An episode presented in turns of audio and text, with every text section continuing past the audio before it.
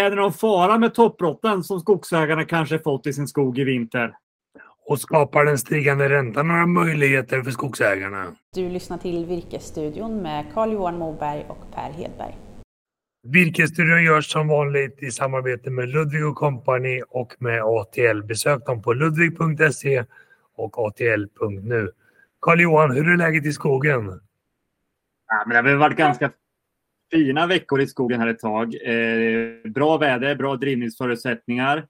Eh, vi vet ju att det fått ett stort behov av råvara så att eh, man har kunnat få fram den då. Men just med om vi går tillbaka då och tittar på, på drivningsförutsättningar så överlag i vinter har det ju varit på många håll katastrof. Dåligt med snö, vägar med, alltså även norrut, att det har varit svårt att kunna köra på vägar för det har varit helt enkelt för, eh, för blött och inte tillräckligt kallt.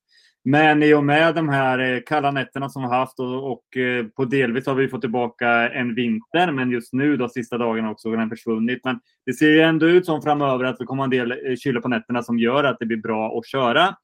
Och det här märks ju då bland virkesköparna man pratar med om att det har blivit en hel del leveransvirke då. Så att de här nu som håller på själva i skogarna med sin motorsåg och lyckas få fram det kanske med sin traktor och sen ut till bilväg. Så att det har ju varit positivt helt och hållet med, med det här vädret. Men sen är det klart. Vi står ju också nu i ett begrepp eh, i, eh, vi är precis andra veckan i mars här och för ett par veckor sedan så hörde jag att man redan hade satt eh, potatis nere på Bjärehalvön i Skåne. Och det är klart att det är många nu av skogsvårdsentreprenörsfirmorna som står i startgroparna. Jag pratade med senast idag här som, som plantorna kommer snart och de vill ju komma igång och markbereda förhoppningsvis har de ju markberett lite i höst, eller det har de ju, men det gäller att kärlen går ur så de kan trycka ner plantorna och sen också då för att markbereda nya så behöver det ju vara mildare väder helt enkelt. Så att, ja, vädret är väl både för och emot, precis som vanligt inom skogen. Är det lite sent att beställa plantor till de här? Då? Ja, är det stora kvantiteter vi pratar om så är det ju för sent skulle jag säga för att få en bra deal på det hela. Det finns säkert de som, att, kan, som kan upprätthålla och ta fram planter åt dig med frågan om du får de plantorna som du vill ha. Eh, för det tycker jag är viktigt att välja rätt planter för sin skog, rätt bonitet så man får en livskraftig och eh, bra tillväxt på sin skog. Eh, är det några specialsortiment, alltså vi kanske pratar om eh, hundratals lövplantor eller, eller någonting annat som vi gör ett litet försök med så, så, så tror jag att det är inga konstigheter att få fram det jag själv beställde lite lind faktiskt här som man ska sätta på, på en fastighet då, eh, för att skapa lite fina naturvårdsträd. Sätter lind för att det luktar gott när det blommar eller finns det några andra anledningar? Nej, men dels så finns ju en historisk eh, koppling till linden där. På den här fastigheten så finns det gamla hamlade lindar eh, som, som man då sköter som vi hamnar och de bitarna. Men man måste också tänka på successionsordningen här för att visst en, lind kan leva, det kommer nya skott och rotskott och allting sånt här. För man vill ju mm. även skapa nya, nya träd då så att även barnbarn, barnen kanske kan, eh, kan njuta av att det luktar gott på våren och sen då att att bina och, och småkrypen har någonstans där att, att vara och pollinera och den bitarna. Vi borde egentligen slå ett slag på Skogforsk hemsida, skogforsk.se, så finns det väldigt bra plantvalsverktyg som man kan använda som skogsägare. Så att man väljer rätt proveniens för de plantor man väljer. Och där finns det också då, är det kopplat då till alla plantskolor runt om i Sverige så att man hittar rätt plantskola utifrån sina lokala förutsättningar och vart fastigheten ligger och så vidare. Det gör det kanske lite roligare att beställa plantor också om man läser på lite grann, tänker jag. Ja, och det här är det ju en stor investering att, eh, att plantera och eh, du ska inte sätta vilket skit som helst, får man säga så. Utan eh, se till att köpa rätt grejer och betala rätt för det så, så, så, så, så tjänar man ju på det lång tid framöver. Du, vi har fått in en fråga från Yvonne. Hon refererar till en riktig toppbrottsvinter. Håller du med om att det har varit en vinter för mycket toppbrott? Ja, på sina håll alla gånger. Tyvärr är det ju så. Det var, inte, det var inte hennes fråga, utan det hon undrade var egentligen vad gör man åt toppbrotten och hur ska man hantera toppbrotten? Eh, alltså här gäller det, är det i granskog så handlar det om att bara att städa, städa undan det då. Eh, dels det som ligger något av, men även då de här då som är brutna för att de har ju en, eh, de är ju eh, fara för eh, granbarkborren. Söker sig gärna till de här träden och då kan det innebära att hela beståndet kan, kan bli skadat. Så det är bara ut och eh, och ta vara på dem. Och sen om man går in då i andra, tall och, och löv och sådana saker, handlar det också om att något virkesvärde och säkrare hela den biten. Och det kanske är så att det kostar kanske mer än vad saknar, men det handlar också om att man får ordning på, på sin skog. Bra, jag bara eh, frågar dig Carl för du skriver som skogsexperten i ATL så dit kan man ställa sina frågor. Men det är också bra att ställa frågorna direkt till Virkesstudion på virkesstudion virkesborsen.se om ni har några frågor och funderingar kring skogen eller aktualiteter. Vi har också fått lite frågor kring virkespriser och virkespriserna i Östersjöområdet som vi håller lite koll på också. Och jag tycker vi kan väl lägga ut texten lite grann kring att vi ser väl att sågtimmerpriserna då fritt bilväg i de olika länderna de har slutat gå upp och har till och med gått ner lite grann. I Tyskland så är de ganska stabila. Och massaveden har också mjuknat lite grann men massavedspriserna runt Östersjön ligger ju kvar på en stabilt mycket, mycket högre nivå än i Sverige. Har du någonting att kommentera på det här också, Carl-Johan? Det man skulle kunna göra är ju att, att alltså det långsiktiga behovet av råvaran eh, kommer ju finnas.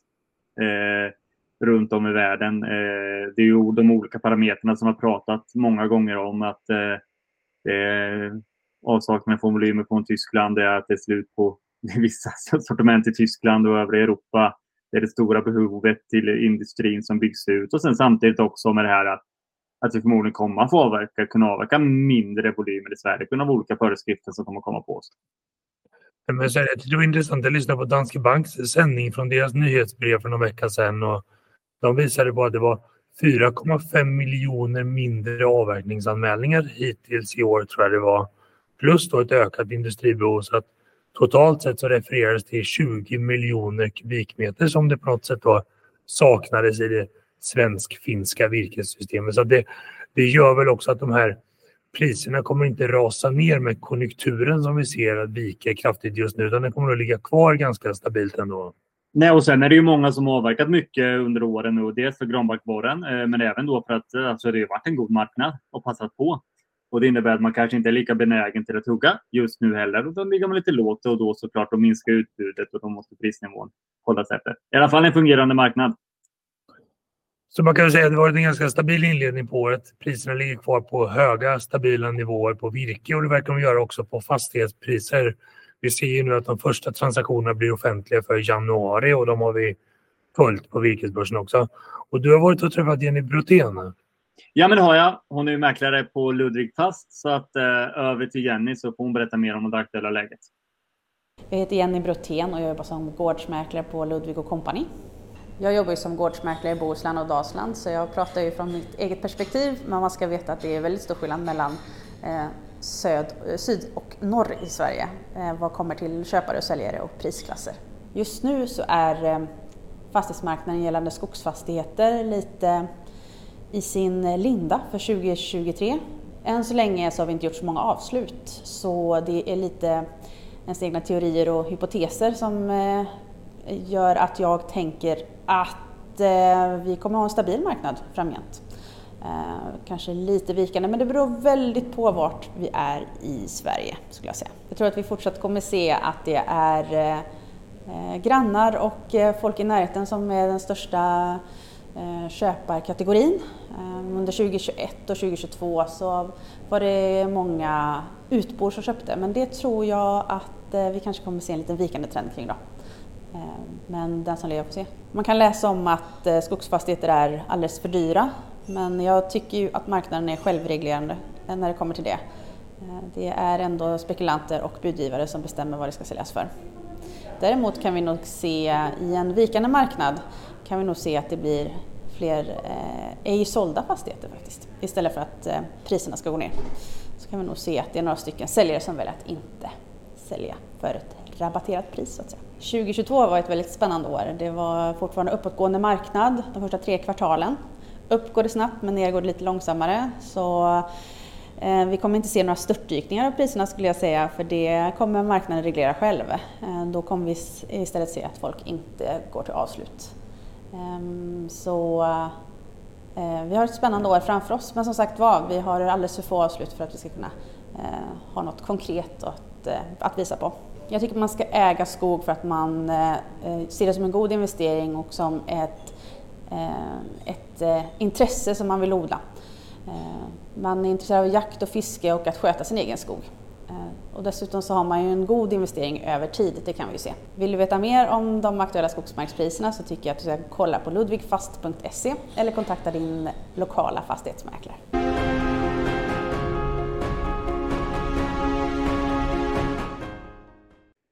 Tack så mycket Jenny. Jag hoppas att vi kan träffas i skogen nästa gång. Det var ett fruktansvärt väder på västkusten så vi fick spela in inomhus. Per, en eh, grej som man pratar mycket om nu det är ju räntor. Vi vet att eh, räntorna på lånen går ju uppåt, styrräntan höjs. Hur är det med räntorna då på skogskonton? Nej, men även räntorna på skogskonto går ju uppåt så det är klart det kostar mer att låna pengar men man kan också få mer om man lånar ut pengar. Och här tycker jag faktiskt det finns en del att göra om man är aktiv som skogsägare. Att jämföra olika skogskontoräntor med olika banker, prata med bankerna och ha en dialog med dem kring vad du kan få för ränta på ditt skogskonto. Eh, och varför ska man använda skogskonto då, Per? Nej, men jag tror att skogskontokonstruktionen är väldigt bra om man gör en stor avverkning och får in mycket pengar i en klumpsumma. Så istället för att behöva skatta ut allting år ett så kan man så att säga fördela intäkterna och skatten över ett antal år. Och det kan vara fördelaktigt. Det beror lite på vilken inkomst jag har utöver mitt skogsbruk och kanske vilka kostnader och övriga intäkter jag planerar kring mitt skogsgård framöver. Så att skogskonto ger, ger ju skogsägarna en bra möjlighet tycker jag att, så att säga, fördela och balansera både utgifter och intäkter på ett skatteeffektivt sätt de kommande åren. Ja, så är det verkligen. Och det här är någonting som Ludvig och Company är experter på. Och jag vet ju, de är i deklarationssäsongen och sitter med många kunder nu och sitter och planerar där hur man ska göra så bra som möjligt. Men man ska ju alltid ha med sig att man ska ju tänka till innan man hugger också. Så egentligen redan innan du tar beslutet där så vet du ska du ha koll på hur en skattesituation ser ut. Och kan du inte berätta lite om det verktyget vi har byggt på virkesbörsen för att hålla koll på det här?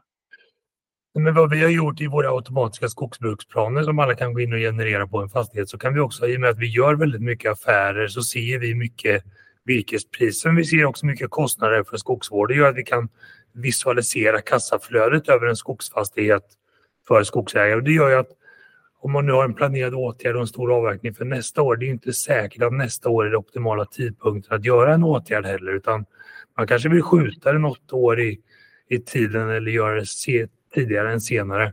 Det beror på, så att jag tycker att det vårt hjälpmedel gör är att man får ett grepp över ekonomin på en skogsfastighet som en vanlig skogsbruksplan inte ger, utan en vanlig skogsbruksplan ger ju, det är ju träslag och kubikmeter och en föreslagen åtgärd.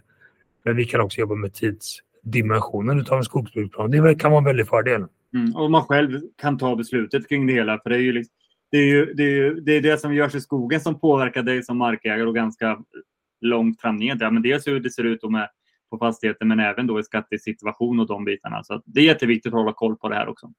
Och då tycker jag gå in och generera din skogsbruksplan på virkesborsen.se så kan man då klicka sig fram till generera skogsbruksplan och se min skog så kan man göra en skogsbruksplan helt automatiskt där. Och är man inte nöjd med avdelningen så kan man ändra avdelningarna dra om avdelningarna. Och vi använder ju alltid den senaste öppna informationen från Skogsstyrelsen och andra myndigheter för att ge en bra skogsöverblick. Och där ligger också fastighetsvärdet som vi då hämtar från, från de externa värderarna. Så där kan man gå in och se vad fastigheten är värd och hur värdet på skogsfastigheten ändras med ett stigande virkesförråd. Det blir faktiskt ganska elegant effekt om det är så att man inte hugger hela tillväxten på fastighetsvärdet. Ja, men så är det Man ska inte glömma bort när du gör en åtgärd så, så tar du ut virke och det är virket som prissätts när det är skogsfastigheter vi pratar om. Så att du kan ju faktiskt minska värdet om du avverkar och det bör man ju tänka till då om man kanske ska sälja fastigheten om ett, om ett antal år eller, vad, eller en generationsskifte. Och jag tycker det är viktigt att ta med sig att åtgärdsförslagen som ligger i en skogsbruksplan, ja det är just förslag. Så man ska ju själv ta ställning till vad som är rätt utifrån mina drömmar, visioner och tankar kring mitt skogsbruk med hur mycket pengar jag behöver eller vad det nu kan vara för någonting som styr. Ja, det där är så intressant för många har ju varit så historiskt sett att skogsbruksplanen har varit någon typ av lag eller bibel. Den här ska följas till punkt och pricka. Men det är ju en helt någon annan som har lagt ett förslag på att att det här ska göras för att den personen tycker att skogen ska skötas så här efter dens ögon. Men det kanske absolut inte är så där man själv vill och kanske inte den situationen som man sitter i. Så att eh, vara med och ta besluten och ägandet över din skog. Och sen kan man väl säga i våra digitala automatiska skogsbruksplaner, där genererar vi en avdelningsindelning. Och är man inte nöjd med den indelning som vi gör, utan man kanske känner sig bekväm med hur man har sin avdelningsindelning idag, så går det alldeles utmärkt att ladda upp sin gamla avdelningsindelning eller hela sin gamla skogsbruksplan så att man har den digitalt och då är den lättillgänglig i telefonen och vilken plattform man än jobbar vid också. Så blir den inte stående i en perm på gården som man kanske inte bor på. Nej, men så är det. Du får uppdatera det då. Alltså själva indelningen är densamma, men du får ju då färska volymsdata då från laserskanning som är gjord. Det här ska man också se som ett eh, perfekt tillfälle då. Men du kanske äger ihop med ett syskon. Då kan ni båda ha koll på planen när som och hur som. Men så jag tycker det här är liksom ena delen av taxonomin som vi pratade om för några veckor sedan. Att har man en uppdaterad skogsbruksplan, ja, då har man gjort ett stor del av jobbet att uppfylla kraven kring taxonomin. Och då borde man rent teoretiskt bli en mer attraktiv lånekund hos banken som gärna vill uppfylla taxonomin också. Mm. Ja, men allt man kan förbereda Eh, när man kommer till banken och ska prata affärer, allt du kan förbereda när du ska ta in anbud på, på avverkning och sådana saker, ger ju dig fördelar som, som, som markägare.